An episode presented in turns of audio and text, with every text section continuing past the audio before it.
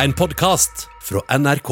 At hjertet slår voldsomt og pulsen går hulter til bulter, det opplever ca. 150 000 av oss i varierende grad. Legene kaller det hjerteflimmer eller atrieflimmer, og doktor, hva holder hjertet på med da? Da, da holder hjertet på med litt alternativ ledning av elektrisk strøm. Hjertets hovedoppgave er å pumpe blod eller eneste oppgave er å pumpe blod. Så for å få til det, så må det være en synkronisering mellom forkammer og hovedkammer for å få en mest effektiv, god rytme på dette her. Så alt er liksom tima og tilrettelagt, som de sier i Olsenbanden, for at det skal funke. Og da er det forkammer, hovedkammer, forkammer, hovedkammer, dunk, dunk, dunk, dunk.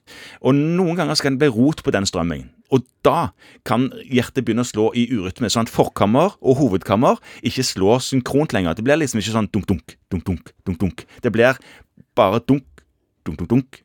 Sånn som det. Helt i kaos. Og da er det ikke tima og tilrettelagt lenger. Da vil ikke blodet gå ut like effektivt som før, og da vil pumpefunksjonen bli dårligere. Hvordan vil det oppleves å ha et sånt hjerte? Men vil, siden pumpefunksjonen blir dårligere, så vil det oppleves som om du ikke får like effektiv blodstrøm ut. Hvor da- lenge varer det?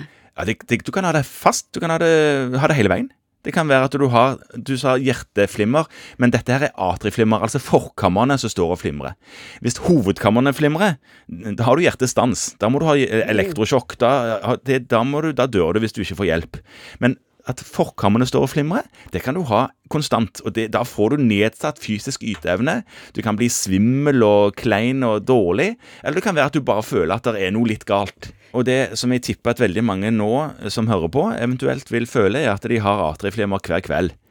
Fordi at eh, når de ligger i sengen og kjenner på pulsslagene sine og ikke tenker på så mye annet, så vil en Oi, der var det jo, der var det jo urytme. Der kom det ikke helt regelmessig sånn som det skulle. Og det er ekstraslag som hjertet holder på med hele veien, som ikke er en atrieflimmer, men ekstraslag. Og så er det helt ufarlig. Helt ufarlig og ikke noen skal gjøre noen ting med. Men denne flimringen den kan en gjøre noe med, enten med at en bruker medisiner, eller at en må til spesialist for å få gjort noe med dette strømkaoset som er. Hvorfor oppstår strømkaoset som gjør at det starter in the first place?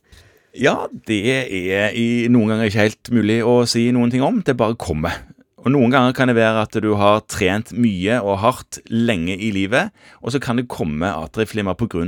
det. Dette er jo flere idrettsutøvere som har hatt eh, problemer med Det var vel det som stoppa Marit Bjørgen en gang fra å delta i et mesterskap, fordi hun fikk noe rytmegreier på hjertet. Og da tror jeg det var dette. Så det kan ramme både sofagriser og toppidrettsutøvere. Det kan det. Vet vi noe om det er større sjanse for hjerteinfarkt? Det som er problemet med atrieflimmer, er at blod blir stående i deler av hjertet hvor det burde vært pumpa ut av. Så da kan det levres der. Så du kan få blodpropp? Nettopp. Så man kan få blodpropp. Og de som har atrieflimmer, bruker blodfortynnende medisiner fast. Du har hørt en podkast fra NRK.